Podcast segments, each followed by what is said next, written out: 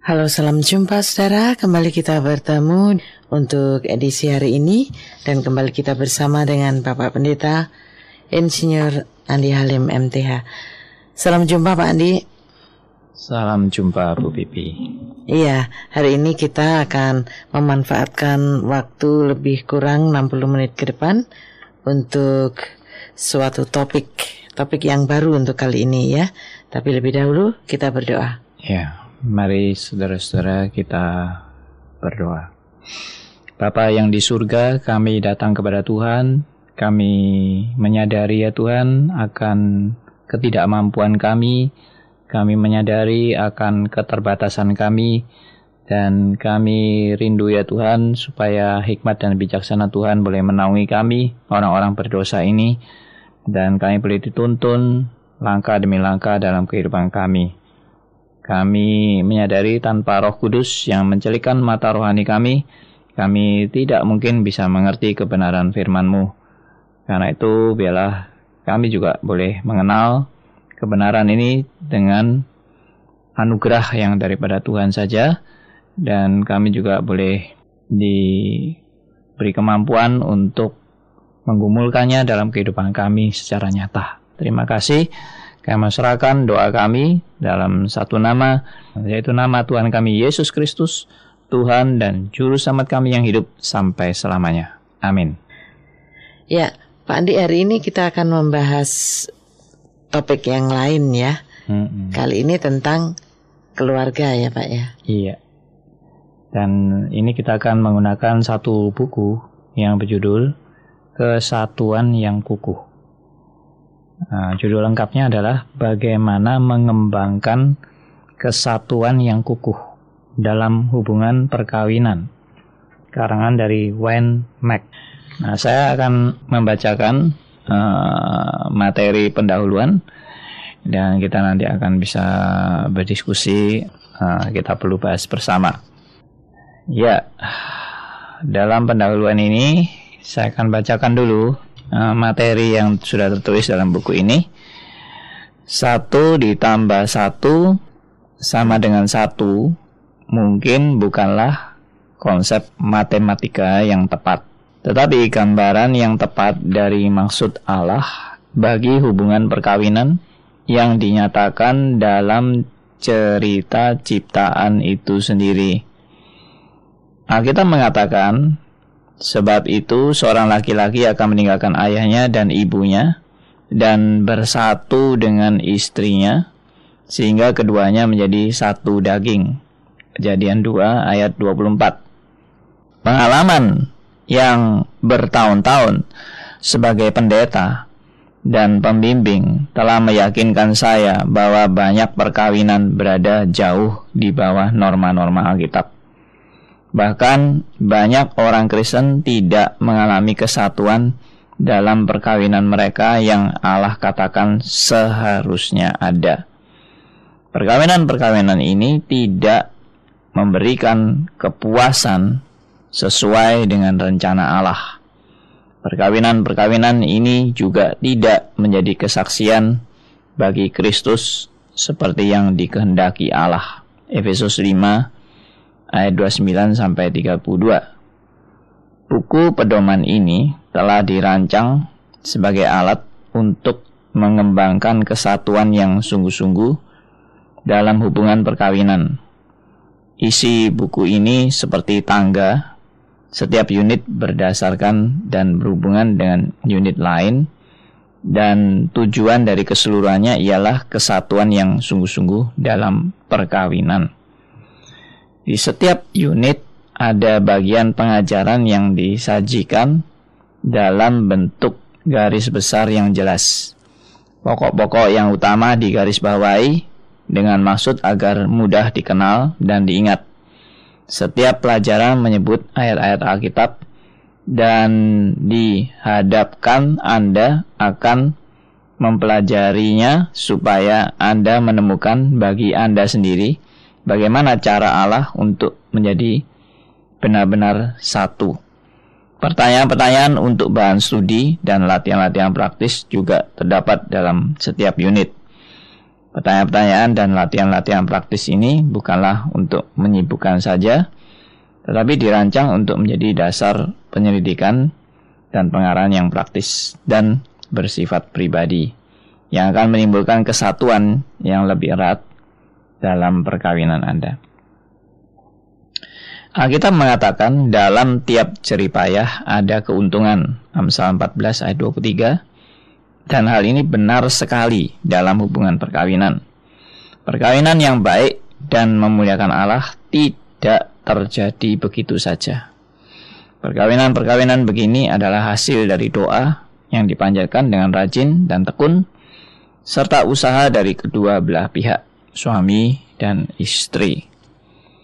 Dalam buku pedoman ini saya menghimbau Anda untuk bekerja keras untuk hubungan antar manusia yang paling penting dalam kehidupan Anda.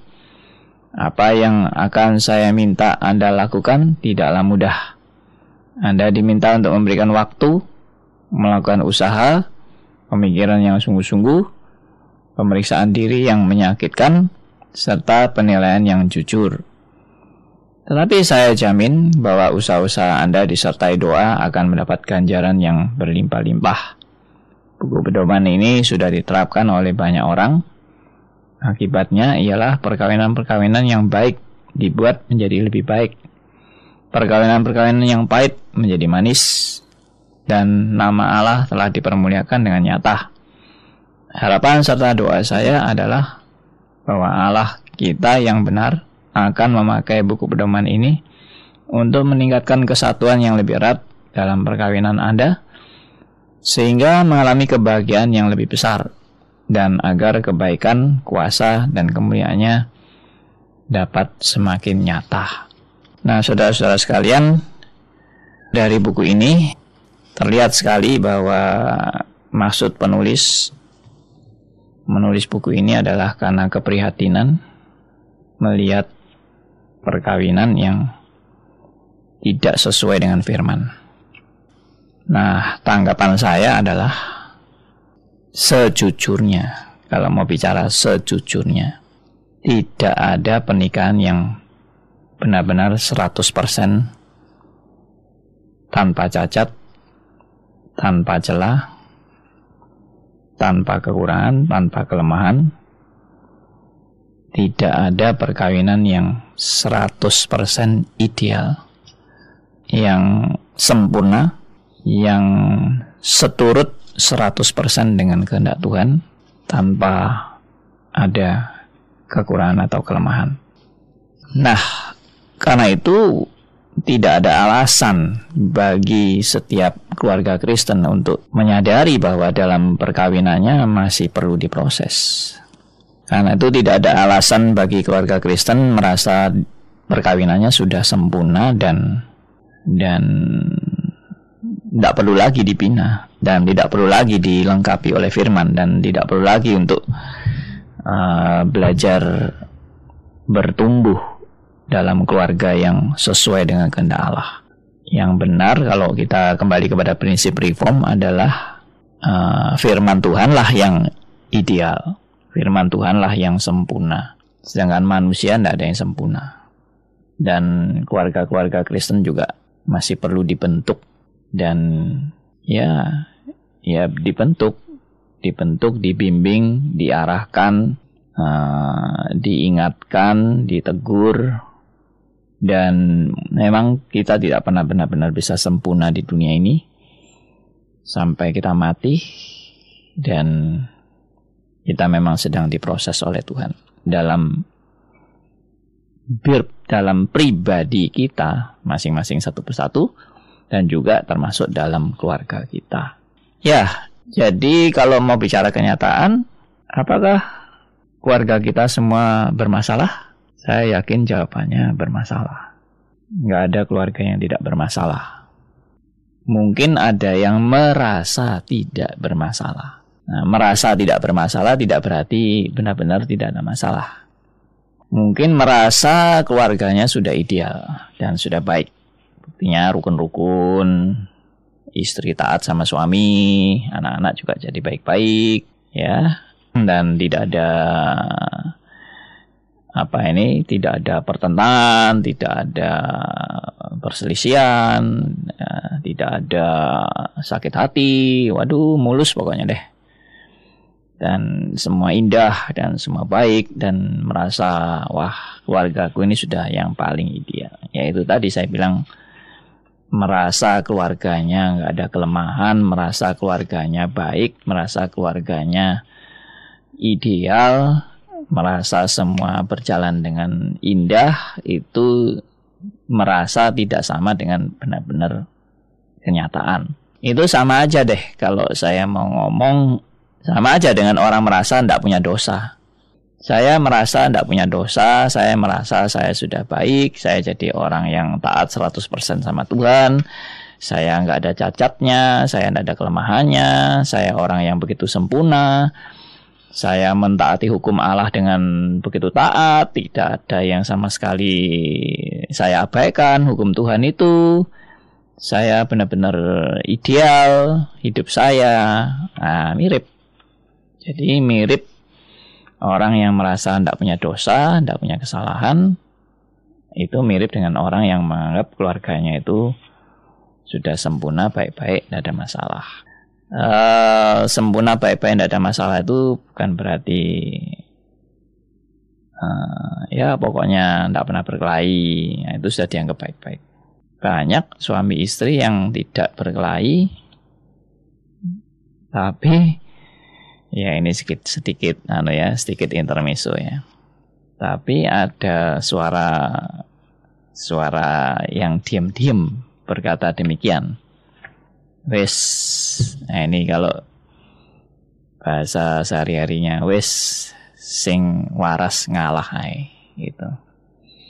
Jadi kalau semboyannya wes sing waras ngalah ya memang tidak ada percacokan tidak ada keributan karena sing waras ngalah gitu artinya buat apa sih ribut-ribut mengurusi yang mengurusi orang gak waras gitu jadi ini dengan kata lain, orang yang pasangan yang mengatakan seperti itu kan menganggap pasangannya itu apa gitu. Pasangannya ya gak waras. yang pasangannya gak waras lalu yang waras yang ngalah gitu. Jadi tidak ada percekcokan tidak berarti itu beres.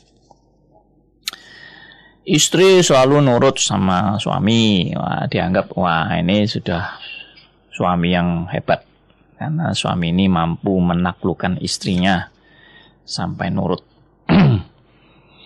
Tapi mungkin ya ini sedikit sedikit sedikit juga intermezzo.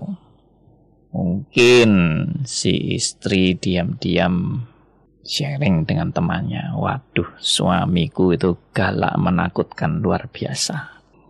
Dia kalau saya langgar sedikit sudah saya dipukuli seperti algojo yang mau menghabisi uh, orang yang dianggap bersalah. Nah, jadi istri taat sama suami itu nggak selalu taatnya karena betul-betul taat, tapi taat karena ketakutan menghadapi suami yang mengerikan, yang yang suka marah, yang bahkan suka mukul gitu, sehingga istri mau taat pada suami. Ya, juga ada model-model ketaatan lain misalnya ketaatan ya karena memang sudah diindoktrinasi namanya istri itu harus taat. Dah pokoknya suamimu mengatakan apa nggak usah bantah. Amin amin aja. Itu maka hidupmu akan tenang dan nyaman kalau suami dibantai terus ya lama-lama tambah percekcokan dan rame dan bikin masalah daripada ribut nurut aja semua yang dikatakan oleh suamimu. Jadi memang sudah diindoktrinasi demikian. Bukan karena suami itu hebat bisa memimpin keluarga yang baik sehingga istrinya selalu nurut apa saja yang di, itu sudah diindoktrinasi sebelumnya. Ya, banyak sebetulnya masalah-masalah dalam keluarga kalau saya mau deret deretkan permasalahan itu. Misalnya Kenapa sih dulu cinta menggebu-gebu, sekarang cinta menjadi biasa-biasa aja? Kenapa dulu hangat, sekarang menjadi dingin gitu?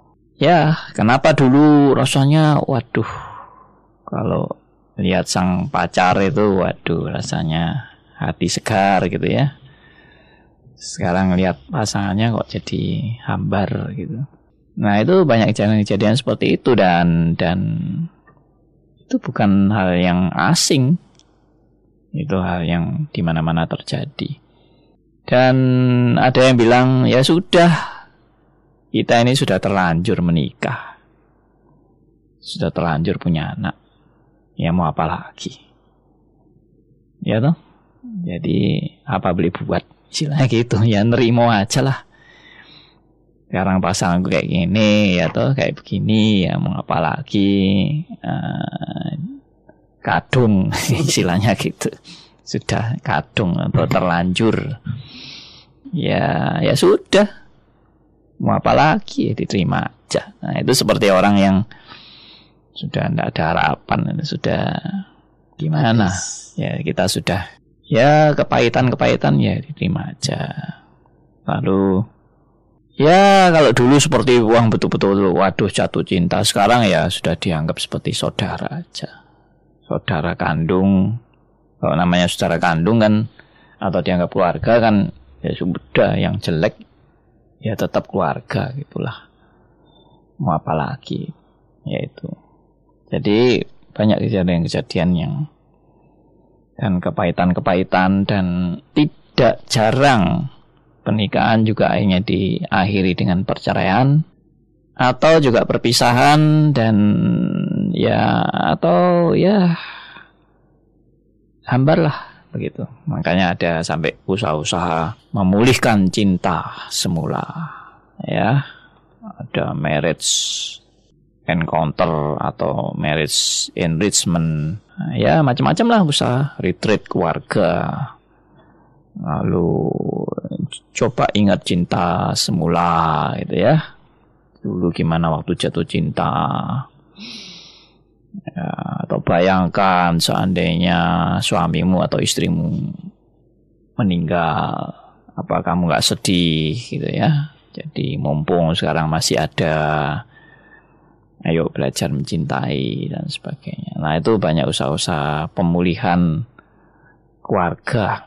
Jadi ya baik sebetulnya, cuma saya khawatir kalau pemulihan-pemulihan itu hanya sekedar fenomena ya ayo yang tidak pernah bergandengan tangan sekarang bergandengan tangan lagi misalnya gitu atau ya sudah lama nggak apa membelikan istrinya apa kado atau gimana kita belikan ya itu usaha-usaha untuk pemulihan Nah, saya melihat buku ini sangat baik gitu.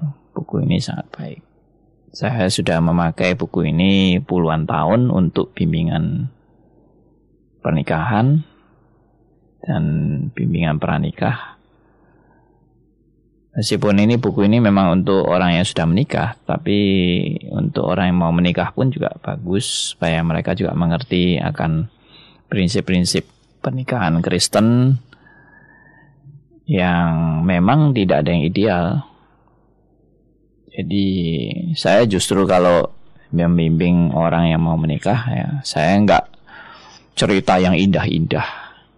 Waduh keluarga itu nanti seneng mesra begitu. Lalu dekat sekali hubungannya indah sekali. Ya semua serba mulus serba baik. Ya, saya malah banyak menjelaskan realita-realita hidup yang pernikahan yang bukan yang cuma janji-janji omong kosong tapi secara nyata pergumulan pernikahan itu bagaimana tantangan pernikahan itu bagaimana? Ya bahaya-bahaya pernikahan itu bagaimana? Dan dan ini juga dibahas di dalam buku-buku di dalam buku ini. Dan buku ini membahas mengenai hal yang sangat mendasar sekali. Makanya menurut saya uh, sangat sayang kalau orang Kristen tidak baca buku ini Dan buku ini kelihatannya udah nggak diterbitkan lagi dalam bahasa Indonesia, tapi dalam bahasa Inggris masih bisa bisa dipesan dan sebagainya. Ya, demikian sebagai pendahuluan kita untuk mau masuk dalam rangkaian diskusi mengenai uh, perkawinan Kristen atau keluarga Kristen dan sekali lagi uh, saya katakan saya bukan pengikut aliran perfeksionis yang hanya bicara yang muluk-muluk tentang keluarga yang ideal, yang tidak ada cacatnya, ada masalah dan sebagainya, pasti ada. Jadi namanya orang hidup itu pasti bermasalah. Saya juga sering kali ingatkan orang-orang yang mau menikah itu, Anda kalau menikah itu sama dengan kalau bahasa cowoknya itu golek molo. golek molo atau cari masalah. Kenapa orang menikah cari masalah? Ya karena orang berdosa orang berdosa itu sendiri aja secara pribadi dirinya sendiri itu bermasalah. Jadi orang single pun bermasalah. Orang bermasalah menikah dengan orang bermasalah. Berarti masalahnya kuadrat. Itu orang menikah. Jadi pasti bermasalah. Tidak ada pernikahan tidak bermasalah. Jadi kalau sampai pernikahan tidak bermasalah, saya khawatir itu bukan pernikahan yang benar-benar pernikahan. Itu itu Anda tidak menikah dengan manusia mungkin. Anda mungkin menikah dengan robot. Kalau Anda menikah dengan robot ya bisa diatur semua, bisa disetel, bisa di supaya robotnya nurut gimana semua diatur. Tapi kalau kita menikah dengan manusia dan manusia ini adalah manusia berdosa dan kita sendiri juga manusia berdosa, maka manusia berdosa menikah dengan manusia berdosa. Maka itu pasti masalah. Itu bukan mm, mulus, itu bukan bukan uh, berjalan dengan semut dengan baik. Tidak Meskipun kita dalam Kristus. Kita dalam Kristus itu tidak berarti otomatis keluarga kita pasti jadi baik. Karena meskipun dalam Kristus kita juga yakin doktrin reform yang namanya de jure de facto. Secara de jure kita memang orang yang sudah dibenarkan, dikuduskan. Tapi secara de facto-nya kita masih orang berdosa. Dan itu yang jadi problemnya dalam pernikahan Kristen. Nah, jadi piala ini boleh jadi bekal bagi rekan-rekan yang juga dalam pergumulan ya. Jadi semua saya yakin dalam pergumulan termasuk kami juga dalam pergumulan, tidak ada pernikahan yang tidak dalam pergumulan dan kita sedang belajar proses belajar dalam jatuh bangun kita untuk bagaimana membentuk keluarga yang diproses sesuai dengan firman Tuhan. Nah, piala ini boleh jadi berkat bagi kita. Ya, saudara, kita sudah mendengarkan pendahuluan dari pembahasan tentang bagaimana mengembangkan kesatuan yang kukuh dalam hubungan perkawinan. Tadinya saya takut, jangan-jangan saya mau diadili nih sama Pak Andi. Kamu bukan istri yang baik. Iya, uh, taunya malah belum-belum sudah ngomong uh, nggak ada keluarga yang 100% ideal sempurna gitu ya. Hmm. Nah, ternyata buku ini pun ditujukan untuk uh, meninjau bahwa banyak pernikahan yang tidak sesuai dengan kehendak Allah gitu ya Pak ya. Yes. Nah, ngomong-ngomong tentang tidak ada yang 100% keluarga yang sempurna gitu ya Pak ya nggak ada yang 100% ideal. Tapi kebanyakan kita kalau masih muda ngomong cari jodoh yang ideal gitu loh ya. Cakep, kaya, baik hati, masuk hmm. surga. nah, hmm. aneh-aneh bayangannya gitu. Tapi tentunya dari itu saja tidak mungkin tercapai. Tapi dari keluarga yang sudah dibentuk, sebelum dibentuk itu biasanya kalau falsafah Jawa nih Pak Andi. Hmm itu kita harus mempertimbangkan bobot, bebet, bibit, hmm. keturunan, kemudian uh, prestisnya gitu ya pak ya. Hmm. Terus uh, ya pokoknya hal-hal yang baik begitu ya. Hmm. Dan kalau dalam sudah dalam hubungan keluarga biasanya kalau dalam pertengkaran pantas kamu keturunan dari siapa kan gitu ya. Hmm, hmm. Nah, eh, semua keluarga bermasalah, tapi banyak kesaksian-kesaksian yang kita dengar juga. Saya bersyukur Tuhan bahwa keluarga Hmm. saya baik, Hmm. saya mapan di perusahaan, punya anak-anak yang baik, punya suami yang baik, Hmm. punya istri yang baik gitu, dan Hmm. eh kayak nggak kekurangan sesuatu gitu loh. Ternyata itu kata Pak Andi tadi merasa tidak punya dosa gitu ya Pak ya. tidak punya masalah. Tidak punya masalah, Iya, merasa keluarga baik Iya. berarti sama dengan merasa tidak punya dosa. Mana ini Pak Andi? Nah, itu kan analoginya. Jadi kalau menganggap keluarga tidak bermasalah, keluarga selalu baik, keluarga selalu lancar, tidak ada cacatnya, tidak ada kekurangannya, itu analoginya mirip dengan orang pribadi kita ini. Mm-mm. Kalau kita merasa kita ini tidak punya dosa, Hmm. saya ini orang baik kok, saya tidak ada dosa, saya tidak ada kelemahan, saya tidak ada kekurangan, saya eh, apa ini em, sempurna, ya toh, Mhm. ya itu mirip seperti itu. Dan kan memang di dalam doktrin reform kan jelas sekali bahwa tidak ada manusia yang tanpa dosa. Kalau dianalogi analogikan dalam keluarga mungkin begini, aku sudah melayani suamiku dengan baik, sudah bikinkan sarapan, Hmm. sudah cuci bajunya. Hmm. Jadi aku sudah melakukan segala yang baik, mungkin gitu ya Pak ya. Padahal mungkin juga Hmm. dalam melayani itu masih ada kekurangan gitu ya. pasti. Jadi Mungkin bersungut-sungut. Iya. Misalnya orang tua ada yang menganggap saya ini sudah menjalankan fungsi saya sebagai orang tua yang baik. Misalnya, saya menyediakan uang bagi anak-anak saya. Anak saya sampai tidak kekurangan Mhm. dan sebagainya. Saya menyediakan sekolahnya, saya menyediakan fasilitas untuk sekolah, untuk bisa naik mobil apa segala macam. Tapi ya dia anggap dia sudah orang tua ideal gitu dengan Mhm. menyediakan semua seperti itu. Tapi mungkin bagi si anak dia kebutuhan utamanya bukan itu.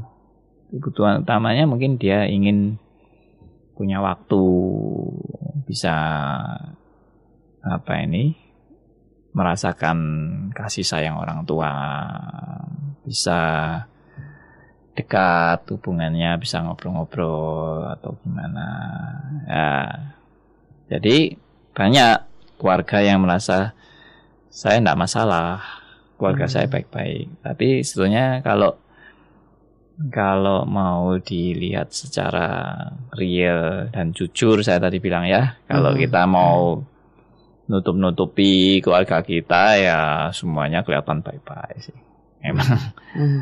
memang tidak ada orang mau cerita kejelekan daripada keluarganya semua orang ya ingin dipandang keluarganya itu baik-baik terhormat baik-baik dan tidak ada kekurangan tidak ada kelemahan ya banyak yang seperti itu sih tapi eh, ya itu tadi saya bilang itu mirip seperti orang yang tidak merasa dirinya berdosa Mhm. yang mirip merasa orang yang sudah sempurna dan sudah mentaati semua hukum Tuhan dan tidak bercacat hidupnya. Padahal kita bilang semua manusia itu berdosa, semua Hmm. manusia itu bermasalah dan sedang diproses. Demikian juga keluarga Kristen juga sama. Tidak ada keluarga yang sempurna, tidak ada keluarga yang benar-benar ideal.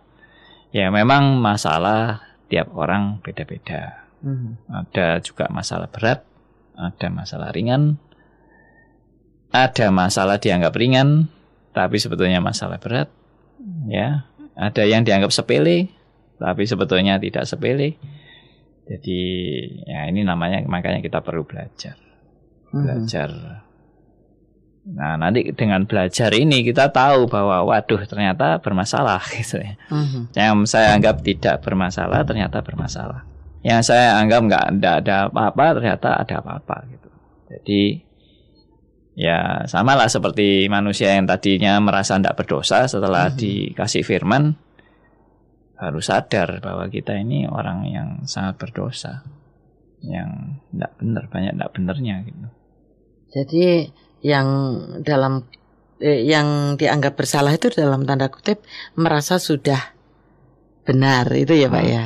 Merasa sudah eh, melayani keluarga dengan baik begitu ya. sudah ideal Sudah ideal. semuanya oke Gitu. oke Mhm. Iya.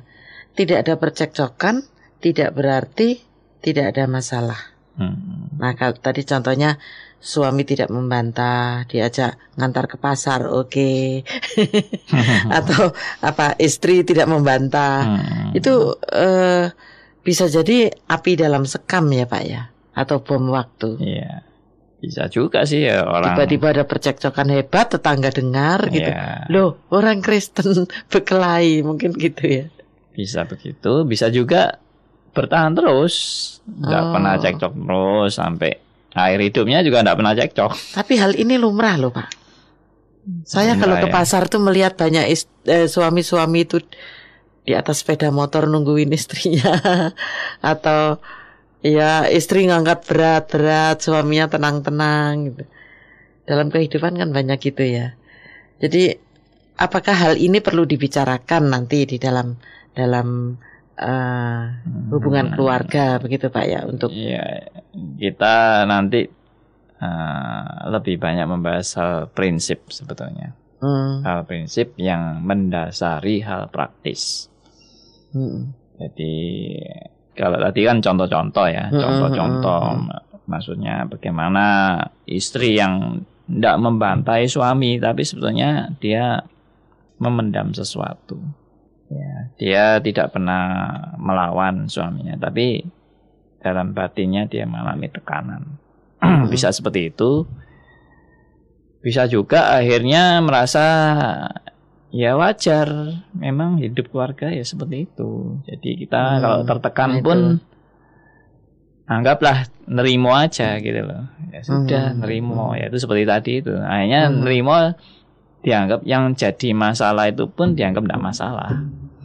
Karena Hmm. dengan kata nerimo ya wes gitu loh itu tuh itu Hmm. yang sering kali ya udah gini ya begini ya mau apa lagi sudah ada menikah nah itu itu dianggap Nah. akhirnya wis kadung. nah wis kadung itu akhirnya dianggap sudah tidak masalah gitu loh ya diterima aja begitu ya itu bagus dari sisi membuat keluarga tidak sampai Ah. cerai Ah. mungkin tidak sampai uh, wih konflik hebat bahkan sampai mau bunuh-bunuhan dan sebagainya ya enggak aman-aman itu aman-aman karena nurut semua tapi apakah itu yang disebut keluarga ideal itu keluarga yang Hmm.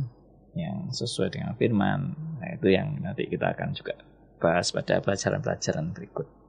Banyak kepahitan yang tidak jarang berakhir perceraian gitu ya. Hmm. Ya mungkin memendam itu ya Pak ya. Ya, itu khususnya bagi yang anu, bagi yang sudah nggak tahan. Hmm.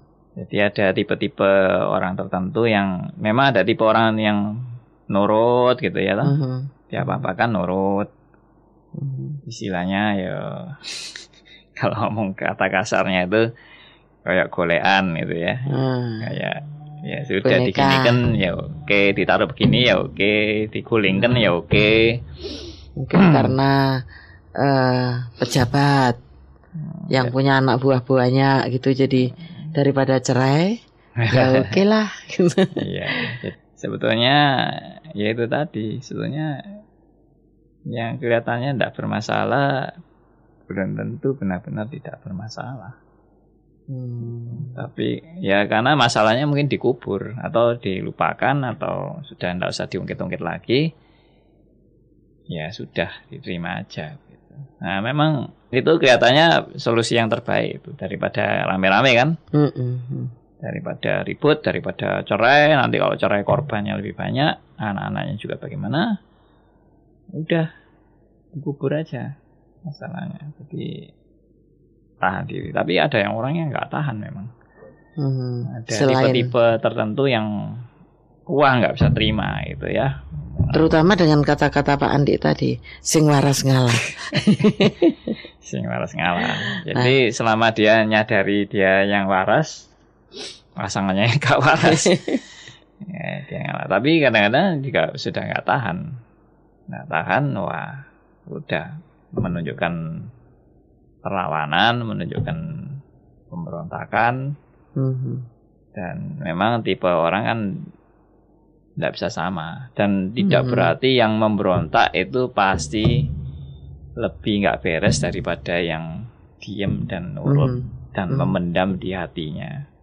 Mhm. Orang yang memendam di hatinya nggak selalu lebih baik daripada orang yang belak-belakan Ngomong. ngomong gitu kan. Iya. Emang kalau belak-belakan ngomong memang kelihatan Sakit. Lebih kurang ajar atau lebih lebih berani melawan, nggak mau taat, yang diam-diam kelihatannya taat sekali gitu. Tapi mungkin hatinya juga memberontak. Mhm. Jadi ya itu itu memang beda-beda reaksi lah. Tiap orang berbeda reaksi. Dan tapi sebetulnya tetap sama kan? Masalahnya Mm, mm, mm. tetap bermasalah berarti. Bukan berarti yang diam tidak bermasalah. Gitu. Cuma yang satunya vulgar Mhm. kelihatan gitu, yang satunya tertutup. Gitu Mungkin aja. dalam hati gini ngerti yo, aku ngalah gitu ya pak ya. ya itu ya itu banyak yang seperti itu. Mm-mm. Banyak masalah dalam keluarga. Nah ini seperti eh, tadi Pak Andi katakan, dulu hangat, sekarang dingin, dulu cinta, sekarang seperti saudara. Nah ini paling banyak ini Pak. Dulu cinta, sekarang seperti saudara. Hmm. Nah itu yang paling banyak sekarang. Jadi menganggap kehadiran suami atau istri bukan lagi pasangan hidup tapi seperti saudara aja. memang harus disadari bahwa sebetulnya makanya saya juga bilang bagi rekan-rekan yang dibimbing dalam pernikahan itu bahwa kita itu kita itu harus siap menghadapi masalah itu. Jadi bukan pernikahan tanpa masalah. Siap menghadapi masalah dan siap berdasarkan firman untuk menyelesaikan solusinya meskipun kita tetap namanya manusia itu tidak ada yang ideal. Gitu. Contohnya misalnya kita sudah nah ini kalau saya analogikan lagi ya kehidupan Kristen. Kehidupan Kristen itu kan seharusnya yang ideal gitu kan. Mhm. kehidupan Kristen itu yang seharusnya ya yang sempurna yang gak ada cacatnya. Oh, kamu ini Kristen kok Kristen kok pelit misalnya gitu atau Kristen kok apa ini eh, punya iri hati Kristen kok sombong Kristen kok eh, gila hormat dan seterusnya dan seterusnya jadi sebetulnya kalau jadi Kristen itu kan tidak boleh tidak boleh ada kelemahan-kelemahan kalau mem- memang kata-kata itu ya kok gini kok gini kok gitu berarti Kristen itu kan mestinya ndak ada cacat, ndak ada kelemahan, ndak ada kekurangan, ndak sombong, ndak munafik, ndak pelit. Ya, pertanyaannya sekarang kan, apa ada orang yang sama sekali nggak punya cacat dalam hidupnya? Nah, mm -hmm. itu. Mhm. Jadi itu itu itu analoginya. Mm. Jadi memang keluarga ideal tuh mestinya begini begini begini begini begini begini begini, begini. Tapi memang realitanya hidup itu tidak ada keluarga ideal itu. Ada. Jadi ya memang itu nanti jadi pergumulan kita yang secara nyata bagaimana kita menghadapi hal seperti itu di dalam jatuh bangun kita, di dalam apa berjuang membentuk keluarga yang seturut dengan kehendak Tuhan. Ya, saya ingat satu perkataan bahwa yang pernah saya juga pernah khotbahkan hidup itu adalah belajar. Hidup itu belajar. Dan ada juga istilah lain, hidup itu seperti sekolah. Kita ini sekarang sedang sekolah. Jadi membentuk keluarga pun sekolah. Bagaimana membentuk keluarga yang Proses ya. ya sekolah itu berarti ada pendidikan ada ada pelajaran-pelajaran yang diberikan dan ada ujiannya ada jatuh bangunnya ada gagalnya ya itulah sekolah kita semua sedang sekolah sekolah dalam keluarga sekolah dalam apa ini uh, menjadi orang Kristen, menjadi murid Kristus. Ya, sekolah dalam kewajiban sebagai warga negara, ya warga negara kerajaan surga, warga warga negara di negara kita. Ya itu semua sekolah. Bagaimana menerjemahkan iman Kristen dalam kehidupan praktek kehidupan sehari-hari ya sekolah. Bagaimana mengerti teologi dan menerapkan teologi dalam praktek hidup secara nyata itu juga sekolah. Nah, jadi kita ini semua sedang sekolah. Jadi saya ingat sekali ya waktu saya uh, baru menikah begitu, saya lalu renungkan flashback begitu, flashback pernikahan saya yang awal-awal sampai sekarang itu bagaikan orang kayak mau belajar nyetir mobil gitu. Jadi orang yang belajar nyetir mobil itu nggak ada yang langsung pinter itu. langsung pegang mobil pertama kali langsung waduh lancar. Ya gasnya koplingnya remnya ya tuh uh, persneling dan sebagainya. Wah lancar semua. Wah belok belokannya lancar. Tidak ada. Semua orang pasti waktu pertama kali belajar nyetir mobil ya belepotan pasti. Hmm. pasti. Ngegasnya terlalu keras atau ngeremnya terlalu keras. Ya atau masukkan kopling ya salah gitu. Persneling masuk maksudnya masukkan persneling yang salah dan sebagainya. Ya mirip itu. Mirip juga dengan saya sering kali kasih ilustrasi orang yang belajar berenang ya tidak ada orang yang tidak pernah berenang tahu-tahu masuk air kedalaman 3 meter langsung lancar. Renangnya itu nggak ada. Pasti dia gelagapan. Pasti dia bingung bagaimana geraknya. Meskipun teorinya udah belajar oh teori renang tangannya lurus lalu dibuka lalu ditutup lagi lurus lagi mhm. dibuka lagi. Ya teorinya udah jelas. Tapi prakteknya pasti belepotan nah itu saya belajar di situ. Jadi tidak ada kita yang tidak belajar. Semua itu belajar. Sampai sekarang pun juga tetap belajar.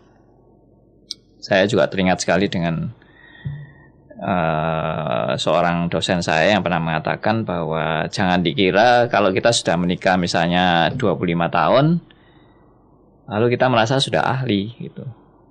Saya ini sudah 25 tahun loh. Jadi saya ini pasti sudah menguasai semua teori pernikahan misalnya begitu. Nah, kenapa uh, tidak boleh berkata seperti itu? Karena 25 tahun yang lalu dengan 25 tahun yang sekarang itu problemnya udah lain. Gitu.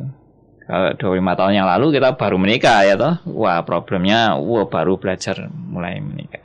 Sekarang 25 tahun sekarang ini itu anak sudah besar, mungkin problemnya juga beda dan kita pun juga berbeda sudah kita yang 25 tahun yang lalu dengan kita yang sekarang. Termasuk pasangan kita yang 25 tahun yang lalu dan pasangan kita yang 25 tahun yang sekarang. Itu berbeda. Dan saya ternyata belajar mengenal pasangan yang 25 tahun yang sekarang ini tidak sama dengan 25 tahun yang lalu. Dan hmm. saya pun juga berbeda. Saya 25 tahun yang lalu dan 25 tahun sekarang berbeda. Jadi tetap belajar. Nggak bisa saya nggak perlu belajar. Saya sudah kenal. Wow pasangan saya sudah kenal sudah 25 tahun sudah ngelontok. Hmm, sak jerwane tahu kabeh misalnya gitu. Tapi jeroannya itu ternyata berbeda. Yang dulu dan yang sekarang itu sudah berubah nah kalau terka, eh, apa sifat-sifat berubah, lalu cara pandang berubah, lalu juga makin tua ini juga pasti juga berubah. Ada orang makin tua makin sabar, ada orang tua makin tua makin tidak sabar. ya itu perubahan-perubahan yang terjadi, cara pandang terhadap kasus yang dihadapi, bagaimana cara pandangnya. Ada yang makin bijak gitu. Ya. Nah, ya ada, yang makin nggak sabaran. Nah, makin jadi anak-anak. ada yang seperti itu. Hal itu tidak bisa selesai dengan retreat keluarga atau uh, seminar-seminar keluarga begitu ya pak ya. Tidak bisa. Itu itu itu tidak bisa cara instannya. Kita kita berubah itu dalam proses belajar seumur hidup dan itu bukan instan. Kalau instan-instan itu temporer ya. ya saya bukan menghina, bukan menghina sih eh, cara-cara seperti itu, tapi itu hanya instan. Instan tuh cuma sekejap kita rasakan. Wah ya ya berubah berubah berubah. Tapi berubahnya cuma sebentar. Mm-hmm. Nanti setelah itu ya biasa. Kayak gitu nyembah-nyembah istri aku berdosa. iya. Habis gitu minggu depan nah, bikin lagi. Iya, jadi tidak bisa. Itu cara instan tetap tidak ya. Tuhan hmm. memimpin kita itu dengan proses belajar yang hmm. seumur hidup yang nggak pernah selesai. Yang pasti nggak ada pasangan yang perfect ya Pak ya. ya Ideal dan perfect nggak ada. Ini agak menyindir saya nih Pak.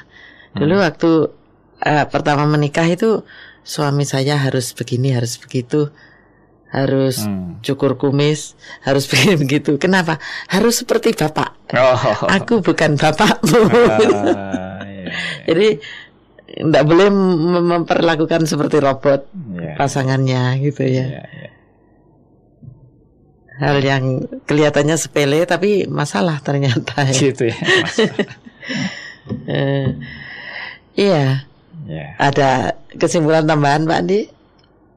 Ya, kesimpulannya melalui uh, perbincangan-perbincangan seperti ini, piala ini boleh menjadi bekal bagi setiap keluarga. Dan sekali lagi tidak ada keluarga ideal, termasuk saya pun sebagai pembicara di sini tidak berarti keluarga saya ideal. Saya juga banyak belajar dan saya juga banyak kelemahan dan dan yang paling tahu kelemahan saya istri saya juga.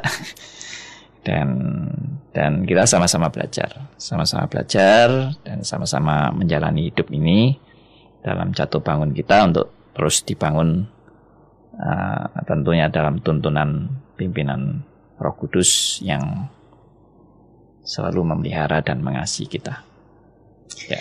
Ya, oke. Okay. Uh, eh, mudah-mudahan perbincangan kita um, menambah bekal kita untuk meniti kehidupan keluarga yang berproses menuju lebih baik. Kita tutup dulu dengan doa. Ya, mari kita berdoa. Bapak yang di surga, kami bersyukur terima kasih karena di dalam hidup ini kami boleh belajar. Kami juga diizinkan mengalami jatuh bangun, diizinkan mengalami bermasalah, supaya kami belajar juga kami bersyukur karena memang hidup itu adalah suatu proses dan proses pendidikan yang daripada Tuhan, termasuk pribadi kami satu persatu, termasuk dalam berkeluarga. Tuhan uh, sertai seluruh pendengar di mana pun berada, dan juga rekan-rekan yang di studio. Biarlah Tuhan boleh memakai radio ini menjadi sarana untuk firman Tuhan boleh disebarkan dan menjadi berkat bagi banyak orang. Terpuji nama Tuhan. Kami serahkan doa kami, kami serahkan seluruh pendengar di mana pun berada. Dalam nama Tuhan kami Yesus Kristus, Tuhan dan Juru Selamat kami yang hidup, kami berdoa. Amin. Ya, terima kasih Pak Andi. Terima, terima kasih Bu Bibi. Terima sampai kasih jumpa. juga saudara yang lain. Sampai jumpa untuk perbincangan yang akan datang.